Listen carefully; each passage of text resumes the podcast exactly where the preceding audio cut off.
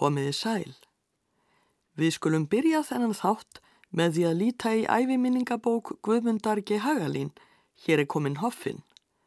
Það er árið 1916 og Guðmundur, sem er 18 ára gammal, er komin frá æskustöðum sínum á vestfjörðum til höfuðborgarinnar Reykjavíkur þar sem hann ætlar að stunda nám við mentaskólan. Þetta er fyrsti dagurinn hans í Reykjavík og hann starir undrandi á öll húsin, búðirnar, fólkið og bílana þessi nýju fyrðutæki sem þjóta um göturnar. Skyndilega skýst strákur út úr húsasundi og neymur staðar á gangstéttinni spölkorn frá mér. Hann skælir sig herfilega, rikkir sér öllum til og kallar skrækum rómi. Sveitamaður, sveitamaður, hí hí. Á þessum tíma gáttu Reykjavíkur börn séð á fötum fólks hvort það var úr sveit eða ekki. Guðmundur skammar strákin en hann færist allur í aukana, ekki síst þegar stelpa kemur til liðsviðan. Þau hýja hvort í kapp við annað á sveitamannin Guðmund og líka á Kristján félaga hans þegar hann kemur aðvífandi. Kristjáni verður nóbóðið og gerir sér líklegan til að lumbra á krökkunum. En krakkarnir skjótast inn í húsasundið án þess að hann fái fest á þeim hendur. Enda ekki trúlegt að hann hafi í rauninni ætla sér annað og meira en að stökka þeim á brott. Inni í sundinu, mitt á milli hafnarstrætis og næstu götu sem ég síðar læri að kalla austurstræti nema krakka prakkararnir staðar. Þau hýja á okkur með miklum og margvíslegum rattbreytingum, stelpan gefur okkur langt nef og strákurinn snýri okkur baklutanum, drefur þar á dyr með lóanum og kallar Veskú, strákar, veskú. Svo stöndum við þarna undrandi, argir og sneftir og glápum á þessa fyrstu reikvikinga sem við hittum að máli. Þá heyru við allt í einu sagt í viðkunnalegum og ljúmanlegum tón. Þið skulið ekki taka ykkur þetta nærri, piltar mínir. Þetta er vitanlega dónaskapur. En þessi börn þurfa ekki að vera verri en gerist og gengur þó að þau finni upp á svona. Mörga börnunum hérna í bænum ganga umhyrðu lítil á götunni frá morni til kvölds og taka svo upp á einu öðru miður æskilögu til þess að gera lífið ofurlítið spennandi. Við Kristján lítum við, hjá okkur hefur numið staðar miðaldra maður, ekki íkja hár vexti en mjög spengilegur. Hann er sérlega vel og snirtilega búinn, fríður sínum, svipreitt og með afbreyðum brúðmannlegur, eitthvert fjarrænt fyrðu blik í björtum augunum. Ég virði hann vandlega fyrir mér, finnst ég kannast við hann. Svo tauta ég og lifti hattinu svo sem ósölrátt. Nei, maður veit það vita skuld. Kristján setur nikk á höfuð og segir mannalega Ég held þeim sé ekki of gott krakka greiunum. Maðurinn kýmir, segir síðan Þið eru gestur í bænum. Já, að vestan, vestan af fjörðum, segi ég. Kanski sjómun, segir maðurinn ennfremur. Já, við höfum verið það, segir Kristján og er státinn. En við höfum nú hugsað okkur að taka hér gagfræðapróf í mentaskólanum. Maðurinn kingar kolli. Svo þið ætlaði að leggja út á þá braut. Ég ósk ykkur til hamingju. Veriði nú sælir, piltan mínir. Og maðurinn tekur ofan með svo tíin mannlegri reyfingu að okkur Kristjáni er það sem opinberun framandlegar og aðri siðmenningar og það er varla við höfum rænu að taka undir kveðju þessa brúðmennis. Við störum á eftir manninum og allt í einu bregði við og fer að raula allátt. Þar sem háir hólar, hálfandalinn fylla, lekiljósi sólar, lærði hörpað stilla. Maðurinn staldrar við, lítur til okkar brosandi og liftir hattinum, heldur síðan áfram. Ha, segir Kristján og lítur á mig mjög stóregur. Allar þú að verða götusöngvari hér í Reykjavík og hafa ofana fyrir þér með því? Verð þú ekki að rámkólfa undirskálunum í höðun á þér, segi ég kotróskin og mjög gladur. Þekkir þið ekki þennan mann? Þekkjan? Þykist þú kannski þekkjan, kempan fríð? Sást ekki hvernig hann brást við þegar ég reyndar alveg ósalrátt fór að raula þar sem háir hólar. Þetta er Átni Torstinsson, tónskáld. Kristján fýtjar upp á og horfir svo sem agdofa á eftir manninum sem nú er að hverfa fyrir hortnið á húsi því er í þann tíma var kallað smjörhús. Síðan lítur hann á mig og segir Mér þykir Reykjavík vilja sín okkur það með fulltrú af valinu þegar við stígum hér á land að hún eigi tvent til. Já, maðurinn sem vestfyrðingarnir Guðmundur G. Hagalín og Kristján Þorger Jakobsson hittu óvend fyrsta dagsinn í Reykjavík var Árni Torsteinsson tónskáld, höfundur lagsins þar sem háir hólar og fleiri vinsætla laga.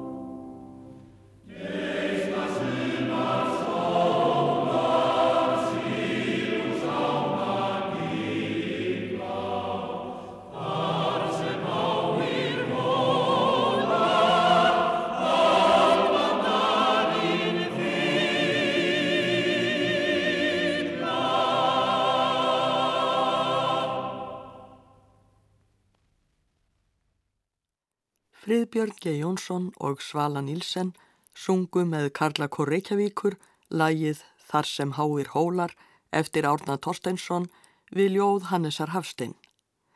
Pál Pampikler Pálsson útsetti lægið og stjórnaði kórnum en Guðrúna Kristinsdóttir lék á piano. Þegar Guðmundur G. Hagalín og Kristján félagi hans hittu Árna Torsteinsson á götu í Reykjavík árið 1916 var Árni 46 ára gamall og orðin landsþektur fyrir lögsín. Árni fættist 15. oktober 1870 og eru því á þessu ári liðin 150 ár frá fæðingu hans. Af því tilefni verður þessi þáttur helgaður Árna og tónsmýðum hans. Árni fættist í Reykjavík í húsi sem enn stendur við Östurstræti og flestir þekkja sem hressingarskálan. Þegar Árni fættist var húsið kallað Landfógetahúsið því fadir Árna var Árni Torstensson Landfógeti. Kona hans og móðir tónskáldsins var Sofía Kristjana Hannesdóttir. Í æfiminningabóksinni Harpa minningana sem Ingólfur Kristjánsson skráði, segir Árni frá einni fyrstu minningu sinni sem tengist tólnist. Það var árið 1874 og Árni var tæpra fjögur ára gamall. Þetta ár var haldinn mikil þjóðháttíð, Kristján konungu nýjundi kom í heimsókn og í tilefna því leg dönsk hljómsveit á skólabrú fyrir aftan domkirkjuna. Leku hljómsveitarmenn allir á blástusljóðfari og voru meðal þeirra tveir drengir á að giska 12 ára og leku þeir á flautur. Man ég hvað ég öfundaði þessa stráka. Ég hlustaði heitlaður á músikina og þótti þetta rífandi og stórfengleg stund en það var það þá algjör nýlunda hér að heyra hljómsveitarleik. Á heimili árna var piano og oft sungið og spilað. Þá spiluðu og Hannes bróðu minn og Sigriður yngri sýstir mín töluvert á píanóið, meðal annars leku þau stundum fjórend og yfirleitt áttu við börnin marga ánægi stund við hljóðfarið. Ég læriði aldrei að spila en þó kom það einhvern veginn af sjálfu sér að oft var maður við píanóið.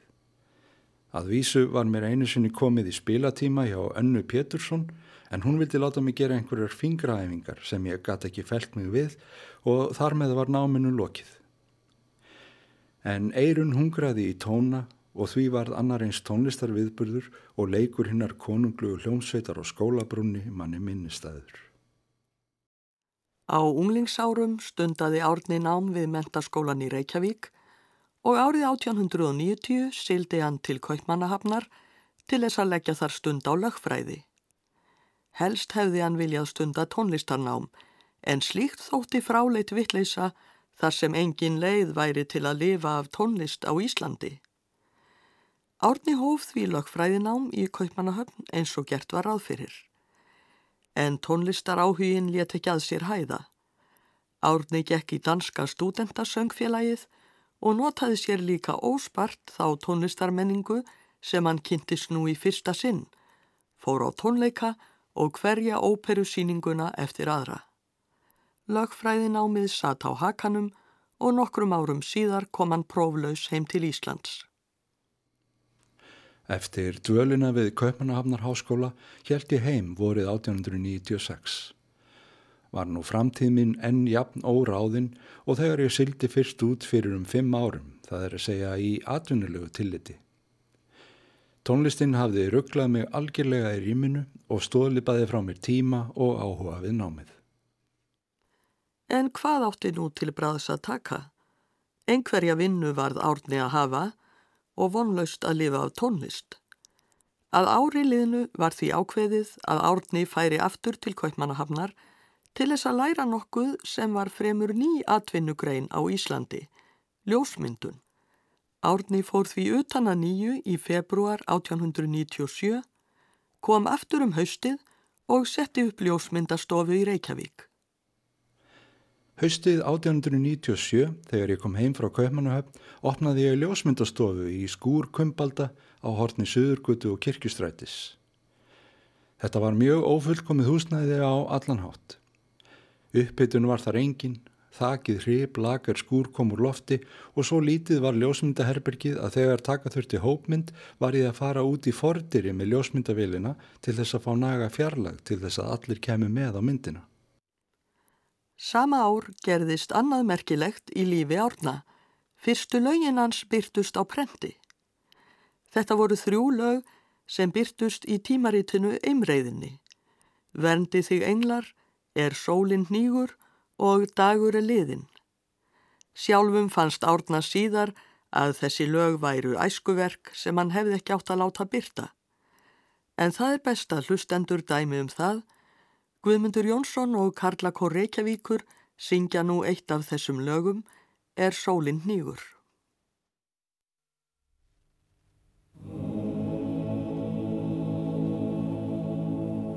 Er sólinn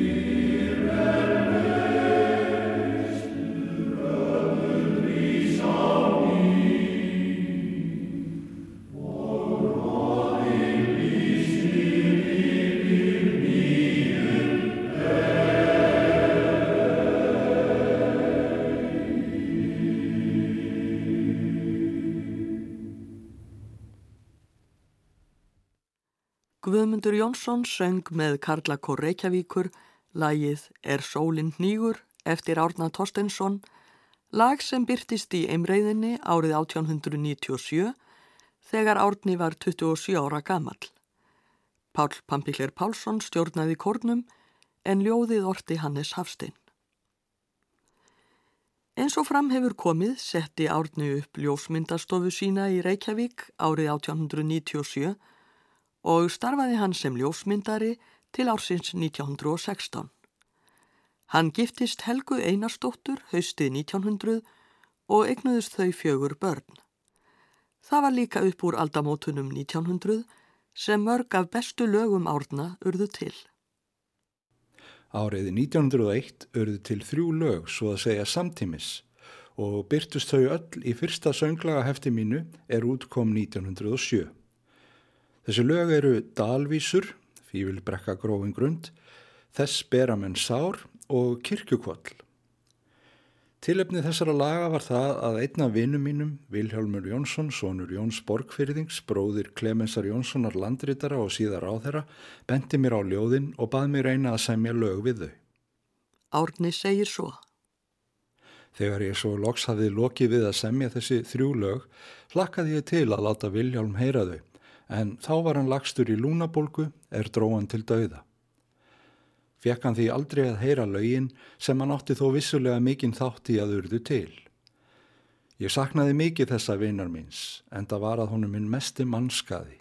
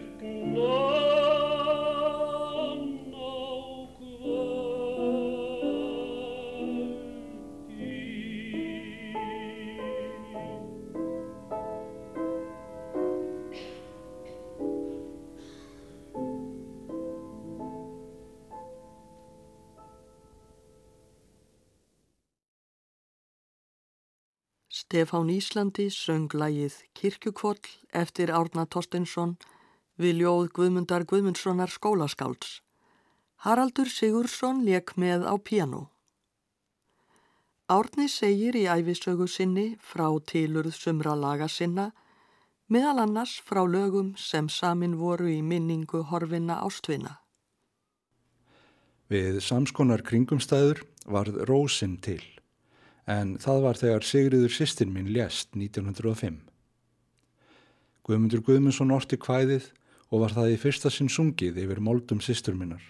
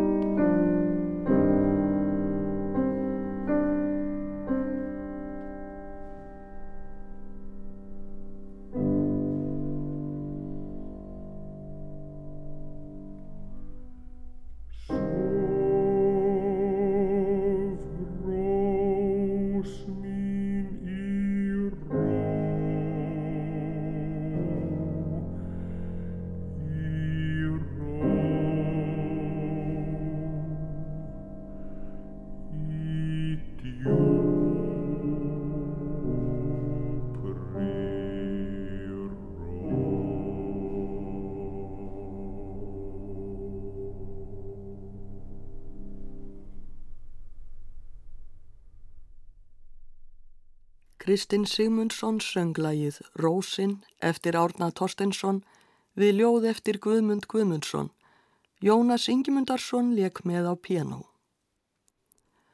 Árni samdi mörg lög við ljóð eftir Guðmund Guðmundsson skólaskáld og eru sum þeirra í hópi hans frægustu laga.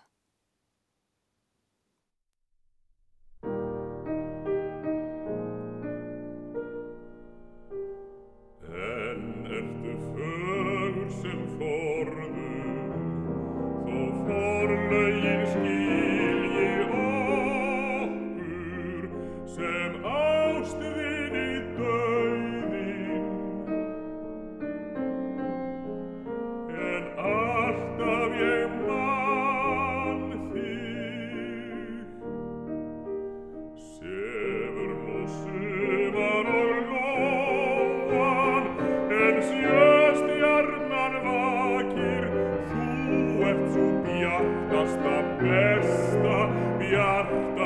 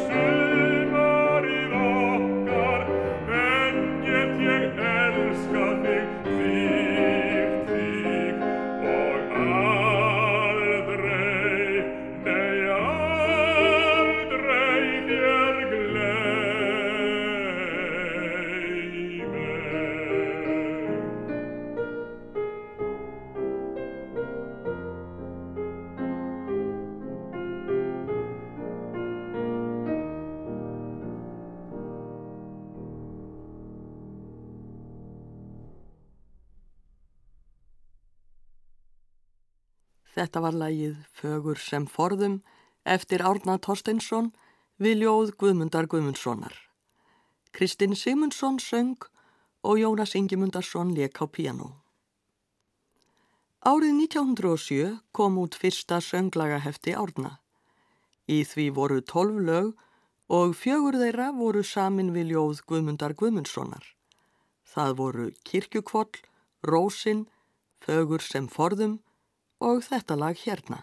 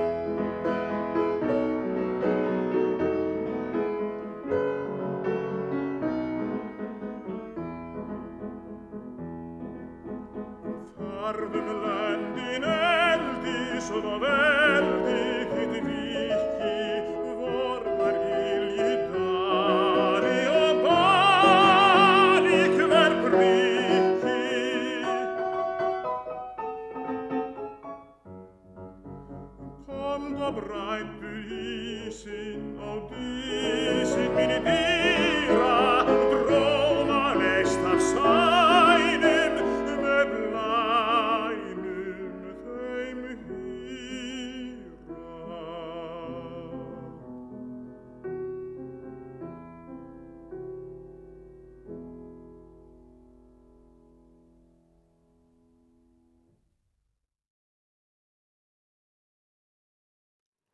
Garðar Kortes söng lagið Vorgiðjan kemur eftir Árna Torstensson við ljóð eftir Guðmund Guðmundsson skólaskáld. Pianoleikari var Erik Verba. Óhætt er að segja að fyrsta sönglagahefti Árna hafi verið tekið vel. Af lögunum tólf eru aðeins tvö sem talist geta lítþekkt, lögin Örnin og Meðalið. Lægið Sólskinskúrin hefur ekki heldur verið mikið sungið á setni árum en var bísna vinsælt á fyrirtíð.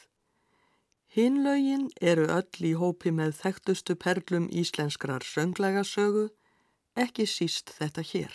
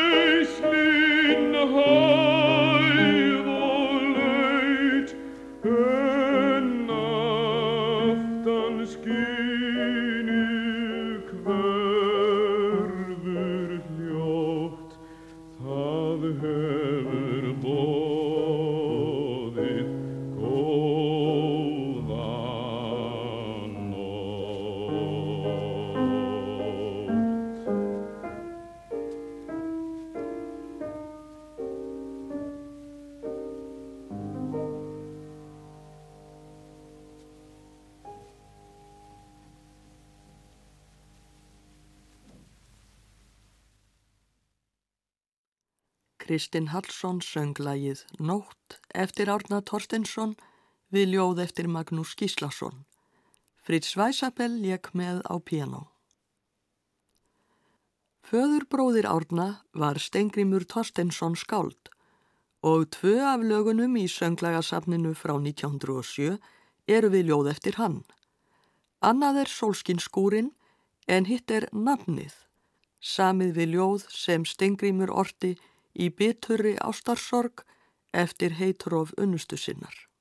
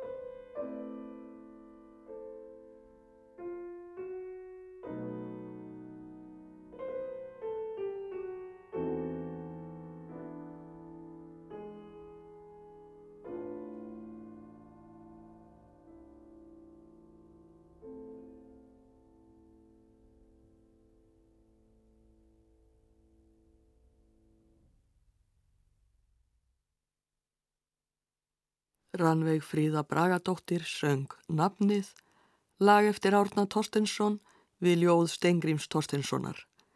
Pianoleikari var Jónas Ingimundarsson. Árangur Árna í tónsmíðum er ekki síst merkilegur þegar litið er til þess að hann var að mestu sjálfmentaður í tónlist. Við höfum nú dvalið nokkuð lengi við sönglagasafnans frá 1907, enda varla annað hægt, þar sem svo mörg af hans merkustu lögum byrtust þar og verðum við þó tímansvegna að sleppa hér ágætum lögum eins og dalvísum, þess bera menn sár og áfram. Ekki er heldur tími hér til að hlýða á príðilegu lög sem árni samti árið 1913 fyrir leikritið Ljanharð Fógeta eftir Einar Há Kvaran. Við skulum hins vegar heyra hvað árni segir um samstarfsitt við Guðmund Guðmundsson skólaskáld sem stóð allt frá því að árni samti lagið Rósin árið 1905. Upp frá þessu og raunar nokkru áður tókst náinn samvinna með okkur Guðmundi skólaskáldi. Orti hann ímis kvæði beinlinis fyrir mig. Svo var til dæmis um alvafell og fleiri. Ég gerði líka nokkur lög við kvæði er Guðmundur hafði áður ort eða ég sá síðar eftir hann. Meðal þeirra eru kirkjukvoll, vorgiðjan kemur, dáin er svafa, fögur sem forðum, sumar á fjöllum og fríður á jörðu. Það síðastnemda var til með þeim hætti að frændi minn, Vilhjálmur Finnsen, sendiherra sem þá hafi nýlega stopnað morgumblaðið, kom til mín rétt fyrir jól og baði mig um jólalag fyrir blaðið. Mér var þá hugsað til hvæði skuðmundar, fríður á jörðu og samti lagið sem síðan var prentað í jólablaði morgumblaðsins. Það var árið 1914, skömmu eftir að heimstyrjöldin fyrri skall á, sem lagið Friður á jörðu byrtist á nótum í jólablaði morgumblaðsins.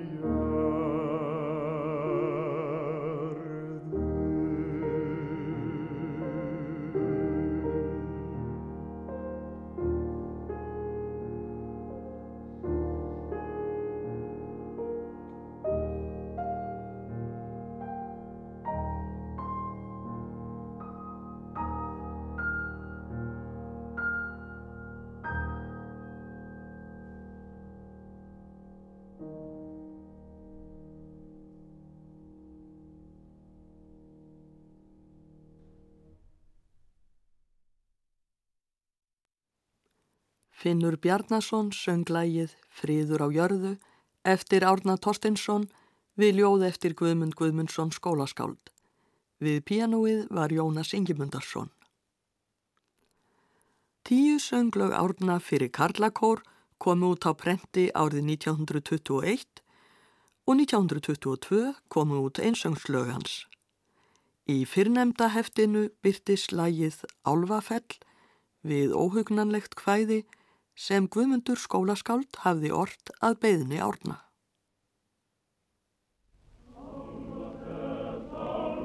Reykur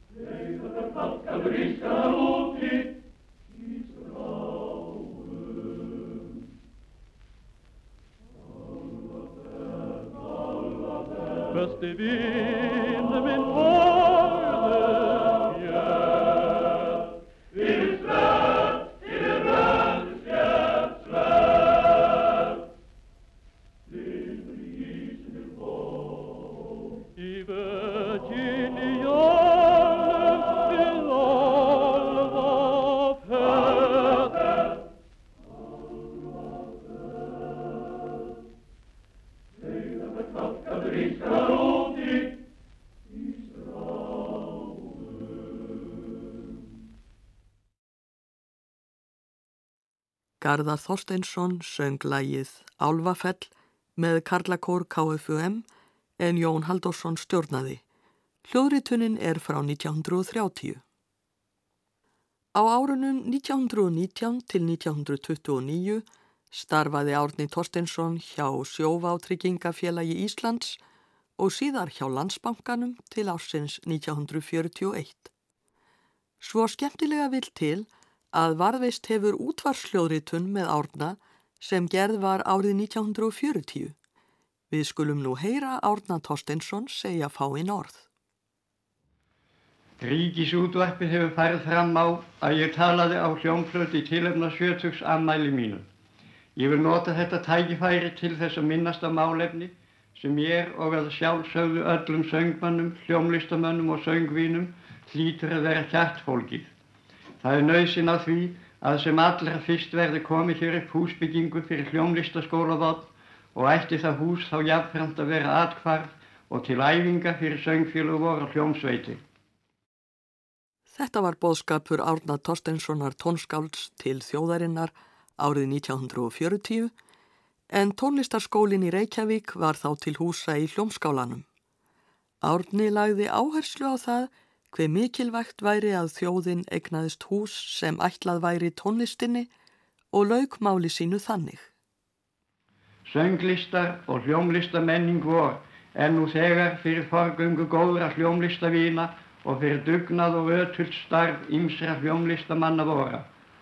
Komin á það stíg að krafan um viðunandi hús eingöngu helga tónlist, list og söng er með öllu orðin réttmæt og sjálfsögð. Væri henni sínt myndi tónlistalíf vort færast í aukana og verða landi voru og þjóð til ómetalegs sóma. Árni Torstensson tónskáld varð langlífur. Hann lést árið 1962, daginn eftir 92 ára afmælistagsinn. Hann hafði náðað sjá gleðilega framför í íslensku tónlistarlífi þó að tónleikahús væri ekki enn risið þegar hann lést. Og lög hans lifa enn með þjóðinni. Við heyrum nú að lokum lag af geislaplötu sem útkom fyrir fjórum árum 2016.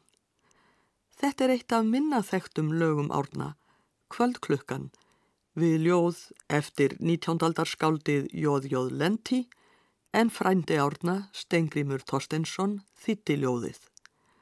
Það er Egil Árni Pálsson sem syngur en Kristinn Örd Kristinsson leikur á piano. Ég þakka hlustendum áhyrnina, verði sæl.